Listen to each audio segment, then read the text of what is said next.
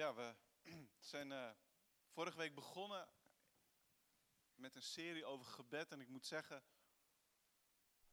dat uh, de preek van vorige week mij heel diep heeft geraakt. Um, waarvan ik denk, eigenlijk is dat een prachtige manier om, uh, om te, te bidden. Om mijn gebedsleven te verdiepen, om het te vernieuwen, om het fris te houden. Om te zeggen van, ik begin in het voorhof, maar ik wil eindigen daar in het heilige der heiligen. Ik wil eindigen voor het aangezicht van God. Ik wil, wil in zijn aanwezigheid zijn. Dat is zo ontzettend krachtig. En uh, we gaan nu kijken naar een heel ander gebed. En dat vind ik het mooie van Gods woord. De Bijbel is eigenlijk een boek van gebeden. En we zien er allerlei mensen in bidden. En we zien ze allerlei, op allerlei manieren bidden. We zien mensen die uh, heel trouw iedere dag bidden. En van Daniel wordt met nadruk gezegd, drie keer per dag knielde hij voor zijn God. Er zijn ook mensen in de Bijbel waarvan we ons kunnen afvragen, waren ze wel iedere dag? Er zijn gebeden vol verwachting, vol geloof, vol hoop. Maar er zijn ook gebeden die vol van wanhoop zitten. Van verdriet, van teleurstelling en van pijn. Er zijn gebeden die heel snel worden beantwoord. Maar er zijn ook gebeden die worden ja, pas generaties later beantwoord. Of die worden op een hele andere manier beantwoord dan de bidder had verwacht. En zo is er een enorme diversiteit van bidders en van gebeden. En het bemoedigende, daaraan vind ik dat er dus niet één juiste manier is. Ik hoef niet precies te bidden als zuster C op de gebedsgroep of als broeder, weet ik veel, op, op mijn connectgroep. Ik hoef niet dezelfde woorden precies te gebruiken of de prachtige volzinnen te maken. Mijn gebeden hoeven niet altijd zo vol verwachting te zijn als die ene. Of ik mag juist, in tegenstelling tot de ander, mag ik ook mijn teleurstelling en mijn wanhoop uiten. Er is niet één juiste manier van bidden. Mijn gebeden en mijn gebedsleven en mijn ritme daarvan hoeven niet in het schema van iemand anders te passen. Als, als ik maar bezig ben met bidden. Als ik maar mij uitstrek om te leren bidden. Als ik er maar, maar mij toe zet om mijn gebedsleven te verdiepen. Zoals Paulus zei, en ik citeerde dat een aantal weken geleden, bid te alle tijden zonder ophouden. Paulus heeft het er niet over, je moet drie keer per dag bidden of je moet regelmatig bidden en je moet zo bidden en je moet, of je moet dat bidden. Paulus zegt, bid te alle tijden. Bidden, of eigenlijk een gebrek aan gebed, is net zo dodelijk als een gebrek aan ademen. Bidden doe je altijd in vreugde en verdriet, op het werk of thuis. Als je wakker wordt, als je weer naar bed gaat. Bid zonder ophouden. En als dat eruit ziet dat je een half uur ochtends vrij maakt en voor de rest door de dag heen kleine momenten. Of dat je zegt, nee, drie keer tien minuten op een dag zet ik vrij. En voor de rest is het in alle momenten van de dag. Dat maakt dus niet uit. Maar leer bidden. Leer bidden. De Bijbel is niet een wetboek over gebed, het is een relatieboek over gebed. Vol van mensen die op allerlei manieren en op allerlei momenten van hun leven zeggen: Ik wil in een open, eerlijke relatie met God leven. En een van die gebeden die we dan vinden is het gebed van Jabes. Het staat in het boek Kronieken en dat is niet het meest inspirerende boek om te lezen. Mensen stoppen vaak al heel snel en uh, dat is jammer, want er zit zoveel rijkdom in, maar ik begrijp het ook wel een beetje. Want de eerste hoofdstukken, de eerste negen hoofdstukken van Kronieken, dat is één en al geslachtsregister. Persoon A die kreeg zoon 1, 2 en 3. Zoon 1 die kreeg zonen en dochters A, B en C. En zoon A die kreeg ervan die zonen en die dochters. En persoon B die kreeg enzovoort, enzovoort, enzovoort. 500, 600 namen achter elkaar aan één stuk door. De meeste van ons zijn al lang afgehaakt bij naam nummer 30. Wat heb ik daaraan? Wat moet ik hiermee? En dan te midden van al die honderden namen, van die lijsten dan vervolgens van priesters en levieten en van zangers en muzikanten en poortwachters en helden van David en, en nog meer lijsten. Te midden van al die honderden namen zegt de schrijver van kronieken, bam, ik zet jullie even stil. Ik noem hier de persoon Jabes. En daar zeg ik niet heel veel over, maar dit zijn twee hele in belangrijke versen. Dit is niet een held van oorlogen. Dit is niet een held van geweld. Dit is een gebedsheld. Een bijzondere man. En dan lezen we over die man het volgende. Leest u mee.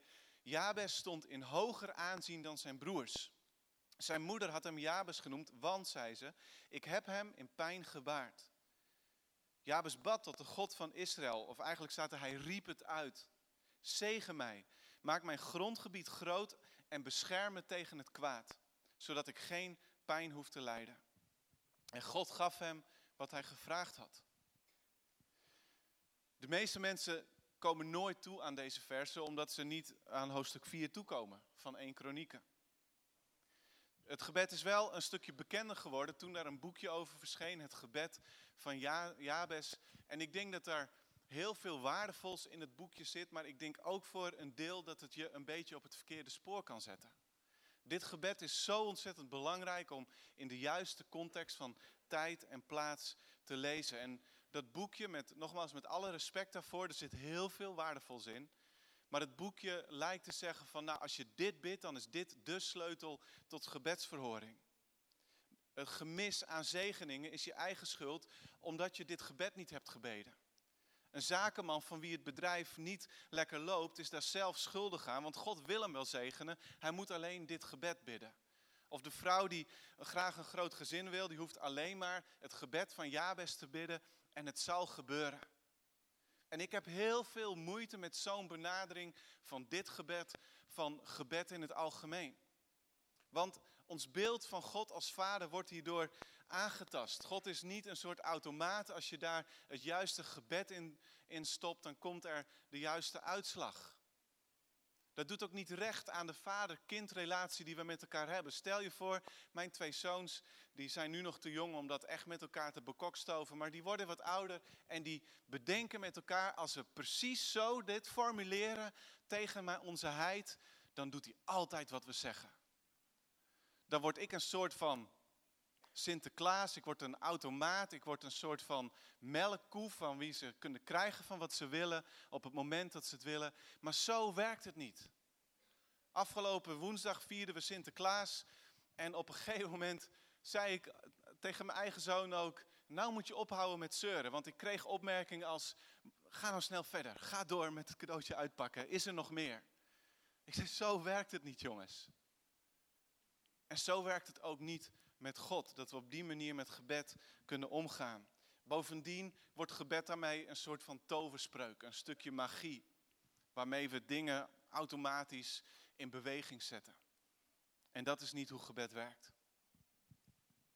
Jabes betekent iets van hij die smart, hij die pijn veroorzaakt. En dat is een ellendige naam. We zouden misschien zeggen stuk verdriet. Je bent een stuk verdriet.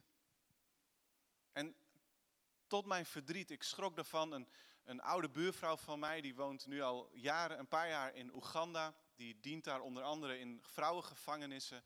En die zegt, daar worden kinderen geboren die de naam pijn dragen. Omdat die vrouw niks anders kan bedenken. Of de naam schande. Want het kind is voor haar een schande. En in onze tijd en in onze plaats is dat nou, dan hebben we dat misschien niet altijd door, maar zeker in het, in het Midden-Oosten in die tijd wisten ze een naam heeft betekenis. Woorden hebben kracht. Dit was een enorme last over het leven van Jabes, waar hij onder gebukt kon gaan. En om dat te illustreren uh, wil ik het verhaal lezen van de naamgeving van Benjamin. Er staat in Genesis 35, toen ze weer uit Bethel waren vertrokken en nog maar een uur of twee van Efrat verwijderd waren, moest Rachel bevallen. Het was een moeizame bevalling en ze had het erg zwaar. Maar de vroedvrouw die zei tegen haar, troost je, je hebt er een zoon bij. En terwijl het leven al van haar week, want ze stierf, gaf ze hem de naam Ben-Oni, zoon van smart. Maar zijn vader noemde hem Benjamin, zoon van mijn rechterhand, gelukskind, zoon van, van mijn geluk. Jacob wilde niet dat zijn jongste zoon gebukt zou gaan onder de naam smart. En dat dat zijn leven zou bepalen. Dus hij was er als de kippen bij om hem een andere naam te geven. Om een andere richting aan zijn leven te geven. Maar Jabes die moet deze naam een leven lang met zich meedragen. Hij weigert echter te leven. Naar die negatieve lading die, die de, de, de naam over zijn leven afroept. Hij roept het uit naar God in gebed en vult u en dit is het eerste gebed. Bid om Gods rijke zegen.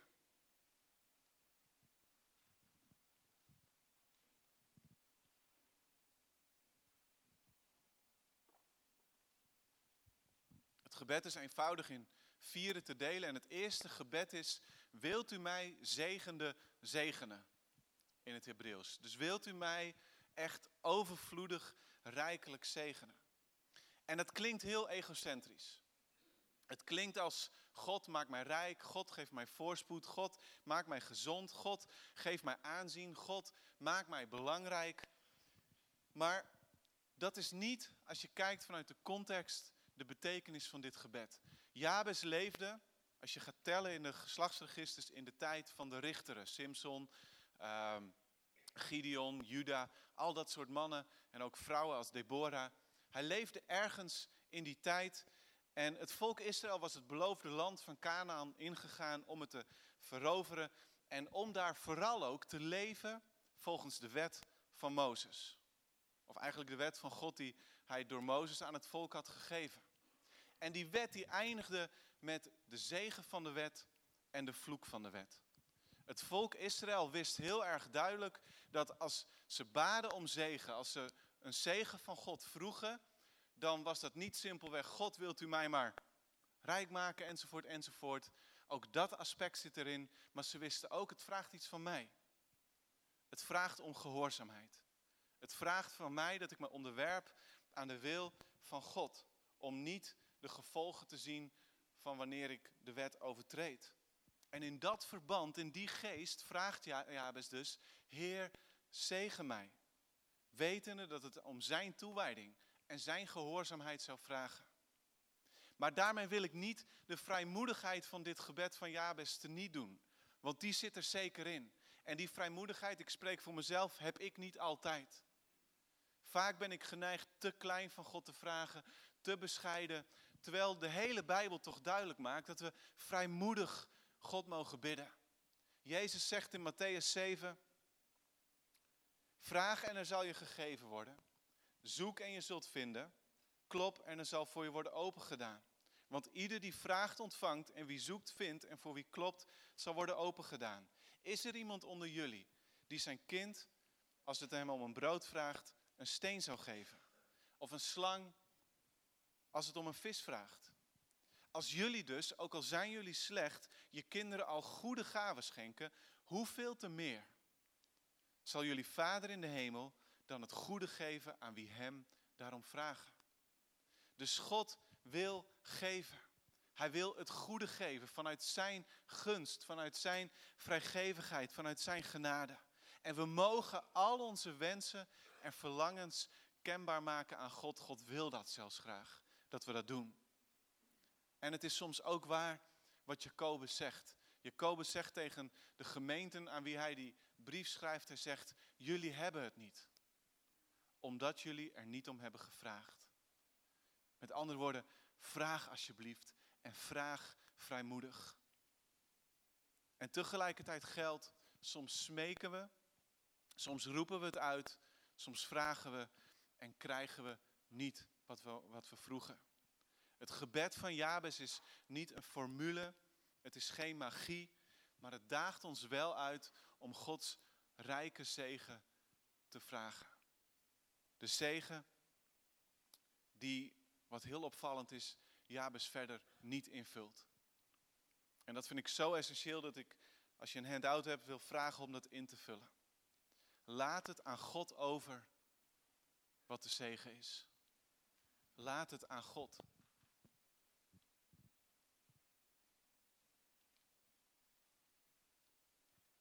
Jabes vraagt om de zegen van het verbond. En nogmaals, dat vraagt om zijn gehoorzaamheid, maar die zegen die is fantastisch. Die gaat vers na vers na vers door. En daar zitten materiële aspecten aan, er zitten geestelijke aspecten aan. er zitten allerlei beloften aan verbonden. In het nieuwe verbond is die materiële zegen niet uitgesloten, maar ligt de nadruk wel meer op de geestelijke zegeningen. Als Paulus het heeft over de zegeningen, dan geeft hij een enorme rijkdom aan geestelijke zegen die God voor ons heeft klaarliggen. En het geldt ook dat iemand die Jezus kent, die is altijd rijk.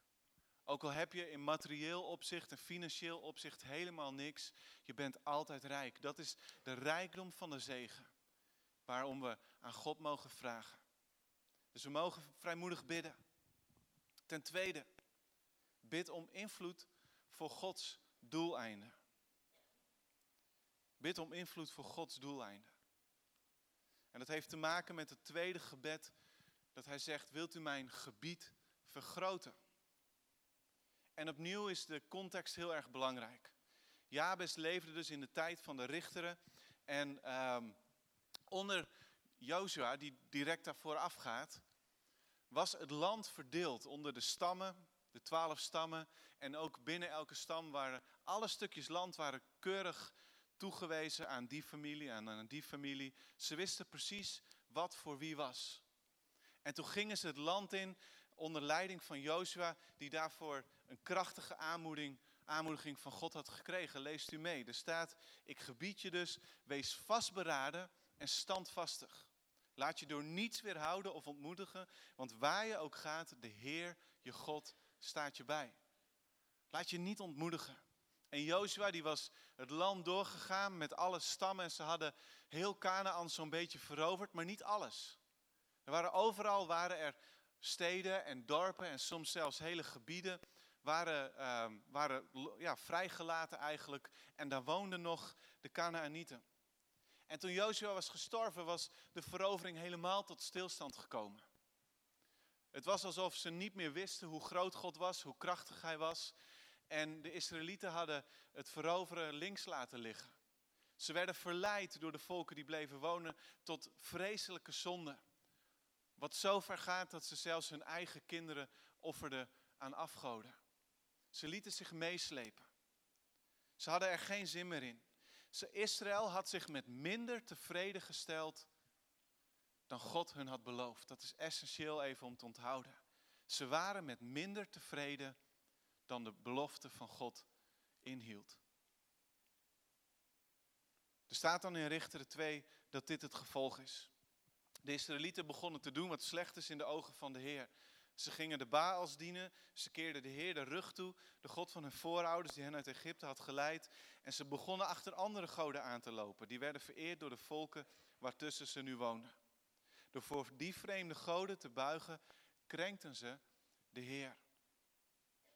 En dat is de achtergrond waartegen Jabes bidt, wilt u mijn gebied uitbreiden. Het is een gebed waarmee hij zich allereerst losscheurt van de negativiteit die zijn naam met zich meebracht. Maar hij scheurt zich ook los van de negativiteit die over zijn volk heerst.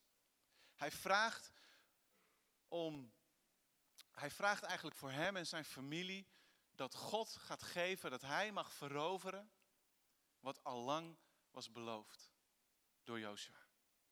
Hij vraagt de beschikking over zijn complete erfdeel. Dat hij het mocht bezitten tot de uiterste grens van wat aan hem was toegezegd.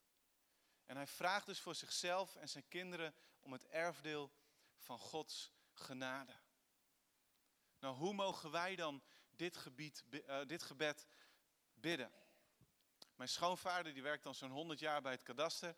En uh, die zal het niet met mij eens zijn als ik mijn schutting aan alle kanten even een meter of twee naar, naar buiten toe over de steeg en over het erf van mijn buren plaats.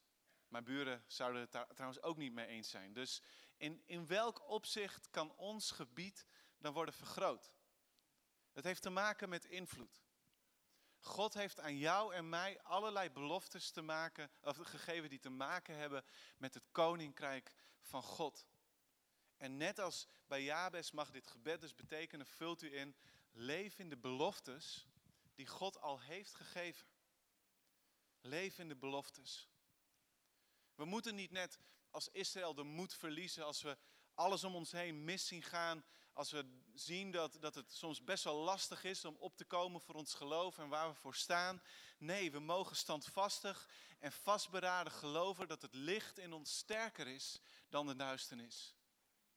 We mogen geloven dat het koninkrijk van God groeikracht in zichzelf heeft. Dat wonderen en tekenen ons zullen volgen. Dat de Heilige Geest, de belofte van de Vader, in ons woont. Dat hij ons wil uittillen boven onze eigen mogelijkheden en bekwaamheden. Dat hij ons vult met gaven. Dat hij ons woorden wil geven op het juiste moment. Dat hij met kracht door ons heen wil werken. Dat hij de harten van mensen om ons heen wil bewegen en zacht wil maken. We hebben de Heilige Geest om grondgebied, om koninkrijk te veroveren voor Jezus. En dat is de belofte waar wij in mogen wandelen met vrijmoedigheid. Met een opgewekt hoofd. Vastberaden. Mogen we het koninkrijk van God zien groeien. En ten derde, het derde gebed is, bid om Gods aanwezigheid.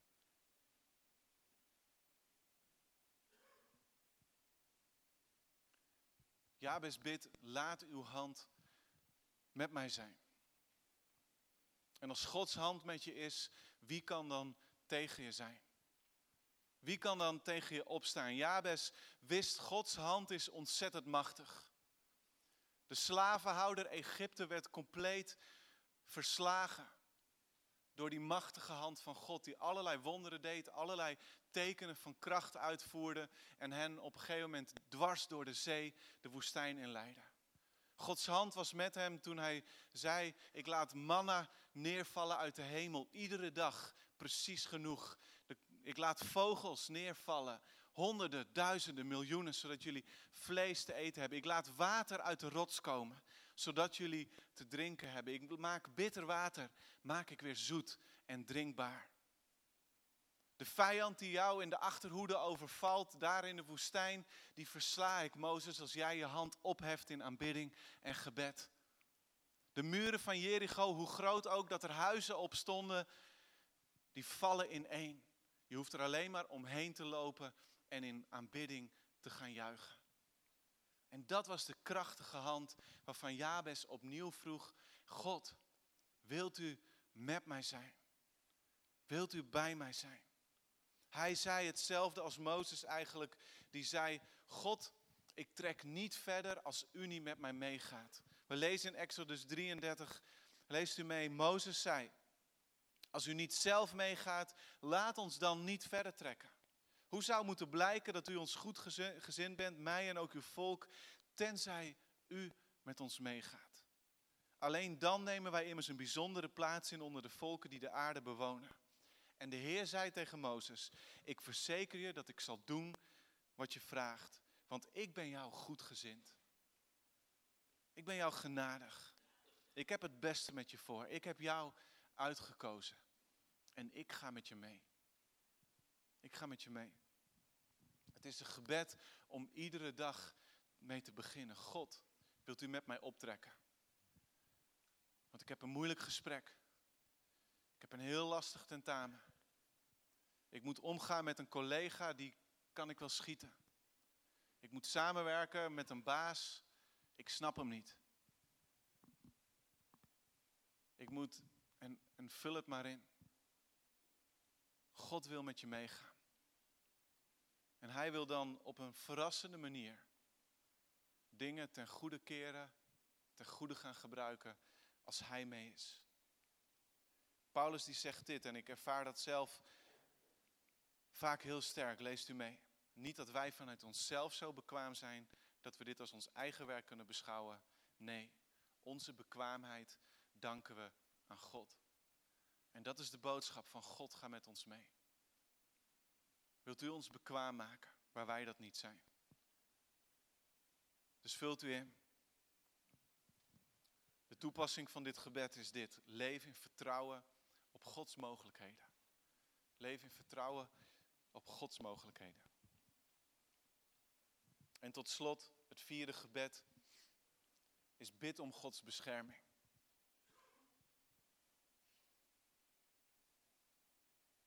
Het laatste gebed van Jabes Waarna er staat, en de Heer deed wat hij van hem vroeg. Het laatste gebed is, weer mij van het kwade, zodat mij geen smart treft. En de kronieken, dit boek, is geschreven in de tijd na de Babylonische ballingschap. De tijd van de richteren waarin Jabes leefde was ongeveer 1375 tot 1050 ongeveer voor Christus. Toen werd Saul koning. En dan komt de Babylonische ballingschap. Het volk Israël, het tienstammenrijk, was al weggevoerd in ongeveer 722 voor Christus. En dan in 605 worden de eerste mensen weggevoerd uit Juda, uit Jeruzalem, totdat dan in 586 voor Christus Jeruzalem en de tempel compleet worden verwoest. Maar vanaf 605 is het ongeveer 70 jaar, wat Jeremia had geprofiteerd, als in 539 Kores zegt met een decreet, ingegeven door God, het volk Israël mag terugkeren. En in 538 keren dan de eerste mensen terug. Dan duurt het nog tot 516 voor Christus. En vooral de profeten Zacharia en Haggai hebben daar heel hard voor moeten pleiten en profiteren. Dan duurt het tot 516, 22 jaar, voordat de tempel compleet is. En dan duurt bijna 100 jaar, uit mijn hoofd volgens mij 445 voor Christus, dat Nehemia eindelijk terugkeert in Jeruzalem en de muren van de stad gaat herbouwen. Tot die tijd waren alle huizen en was die tweede tempel was compleet kwetsbaar voor alle vijanden eromheen. En ik, en ik schets dat even omdat, omdat het volk Israël hier kronieken aan het lezen is. En die voelt zich eigenlijk een Jabes. Die voelt zich eigenlijk, wij zijn een stuk verdriet. Wij zijn uh, mensen die smart veroorzaken en wij hebben smart. We hebben pijn. Die tweede tempel die staat inmiddels weer. Maar de oude mensen huilden toen ze die tempel vergeleken met de eerste tempel. En daarom zegt de schrijver van Kronieken, dit gebed van honderden jaren geleden, ik zet het hier neer. Ik zet het hier neer omdat God met jullie doorgaat. God stopt niet met het plan. God trekt zijn belofte niet in aan Abraham, aan Mozes. Hij voltooit ze. En bid daarom, net als die man van honderden jaren geleden, God zegen mij rijkelijk. Breid mijn grondgebied uit. Ga met mij mee. Behoed mij voor het kwade, zodat ik geen verdriet zal kennen.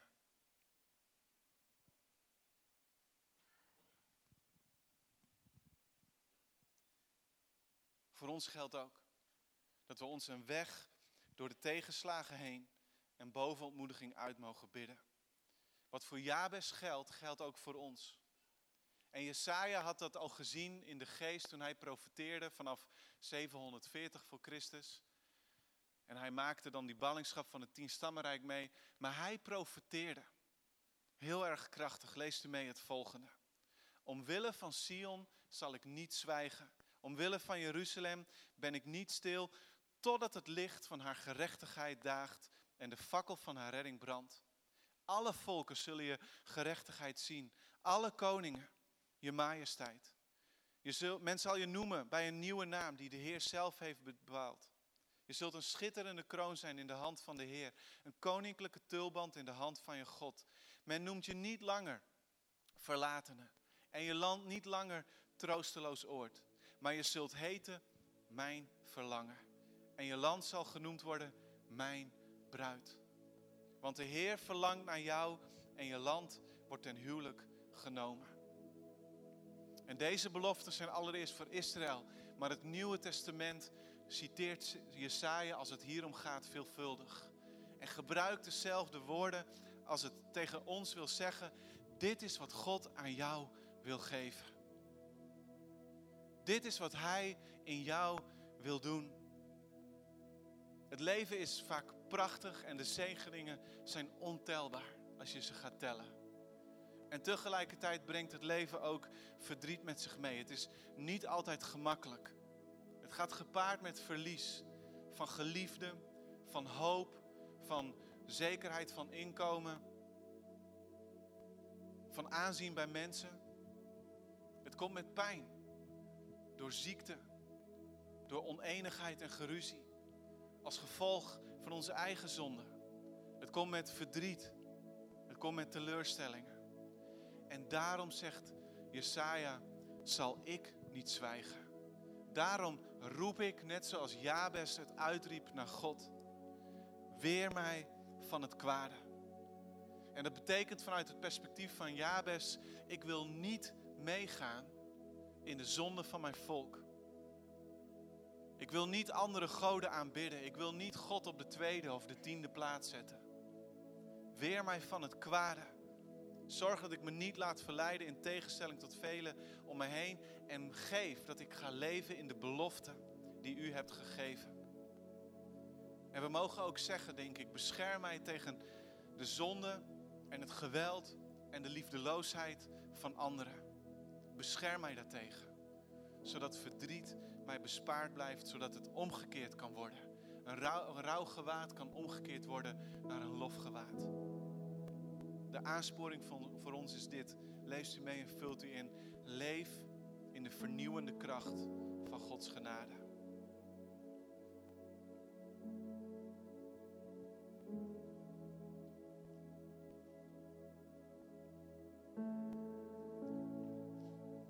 Het gebed van Jabes. Ik heb het al een paar keer gezegd, is dus niet een formule.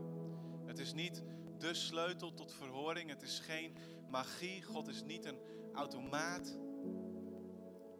Maar ik geloof dat het gebed ook veel krachtiger is dan dat. Want aan wie kunnen we de beslissing het beste overlaten hoe de zegen in ons leven eruit mag zien? Wie kan ons beter zegenen dan God, die van alle eeuwen heeft laten zien dat zijn zegen ons voorstellingsvermogen te boven gaat? Onverdiend, onverwacht, zo ontzettend rijk, zo ontzettend kostbaar. Aan wie kunnen we het vaststellen van ons gebied beter overlaten dan aan God? Die zegt, dat is, het, dat is de invloed die jij mag uitoefenen voor mijn koninkrijk. Jij zult staan in de gerechtshof en, en jezelf verdedigen met woorden die ik je geef. Jij zult staan op straat en in mensen met gesprek gaan en ze zullen genezen op je gebed. En je weet er woorden aan te geven. Jij zult een, een inspiratie zijn voor je collega's. Zodat ze na een jaar, zodat ze na tien jaar, zodat ze na dertig jaar aan je vragen... Wat is de hoop? Wat is de vreugde die in jou leeft? Want ik heb het altijd gezien de afgelopen tijden die ik met jou mocht optrekken. God weet veel beter wat ons gebied is dan wij zelf. God kan door onze zwakheid heen krachtig werken. En wiens gezelschap is beter dan de aanwezigheid van God, onze schepper. Die altijd in contact met ons wil zijn, in relatie met ons wil leven. Aan wie kunnen we ons beter toevertrouwen dan aan God? Ik zou nooit van dit gebed een formule willen maken, omdat God zo oneindig veel groter is dan ik met al mijn formules kan bedenken. En als je op die manier het gebed van Jabes gaat bidden, dan worden kleine gebeden grote gebeden. Het gebed van één man wordt het voorbeeld voor een heel volk en wordt een voorbeeld voor ons vandaag de dag van gebed. Klein geloof wordt groot geloof. Kleine verlangens in de zin van zelfgericht worden grootse verlangens in de zin van koninkrijksgericht. Wat is het belang van de ander? Hoe kan ik de ander zegenen? Kleine verlangens die afdoen aan de zegeningen en beloften van God worden groot. Wanneer we tot ons laten doordringen dat Gods beloften en Gods zegeningen veel groter zijn dan wij kunnen bedenken. En daarom wil ik eindigen met het volgende. Daarom zou ik jullie heel indringend willen vragen om met ons mee te gaan bidden. Om met ons mee te gaan knielen voor God. Vandaag, de komende weken, maar zeker ook als we met z'n allen gaan bidden vanaf zondag 13 januari, 21 dagen, willen we dan vasten en bidden. Doe je mee zeg je net als Jesaja, omwille van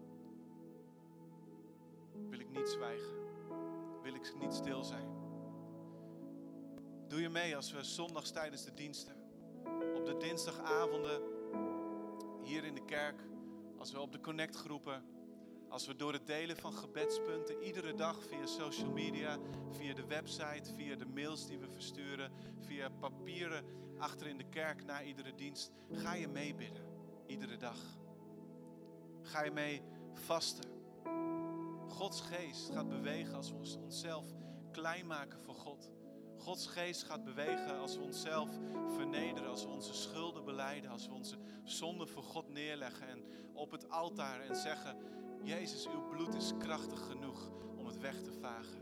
Gods geest krijgt de ruimte om te werken als we zeggen: God wilt u doen wat alleen u kunt doen. En wilt u mij gebruiken? Wilt u mij uw bekwaamheden geven? Wilt u mij uw gaven geven? Wilt u mij het karakter van Jezus geven? Gods geest gaat werken als we gezamenlijk, eenparig een verlangen laten zien naar een werk van God. In onze gezinnen, in onze families, onder onze vrienden, op ons werk, op onze opleidingen, op onze scholen. In deze stad, in deze provincie, in ons land. God gaat werken als wij op de knieën gaan. Dus doe je mee. Als we samen gaan bidden met het geloof van Jabes. Zullen we, zullen we vast gaan staan? Als ik wil bidden, wil ik, ja, wil ik dat ons hele hart, ons hele ziel, ons hele wezen open is voor God. Laten we bidden. Vader, dank u wel voor de Bijbel, Heer. Boek vol gebeden. Een boek vol mensen die in allerlei situaties en op allerlei manieren naar u toe gingen. Omdat ze wisten dat u de beste bent. Dat u de betrouwbare bent. Dat u de eeuwige bent. Dat u uw plannen altijd voltooit. Heer, dat u het goede werk dat u in ons begonnen bent afmaakt. Heer, en in die overtuiging komen we ook op dit moment bij u. U bent het anker voor onze ziel. U bent de hoop voor ons leven. Heer, als we ons te neergeslagen voelen, als we ons bedrukt voelen, Heer, als we smart kennen, Heer, dan, dan bid ik dat u het vandaag zult omkeren met uw mogelijkheden.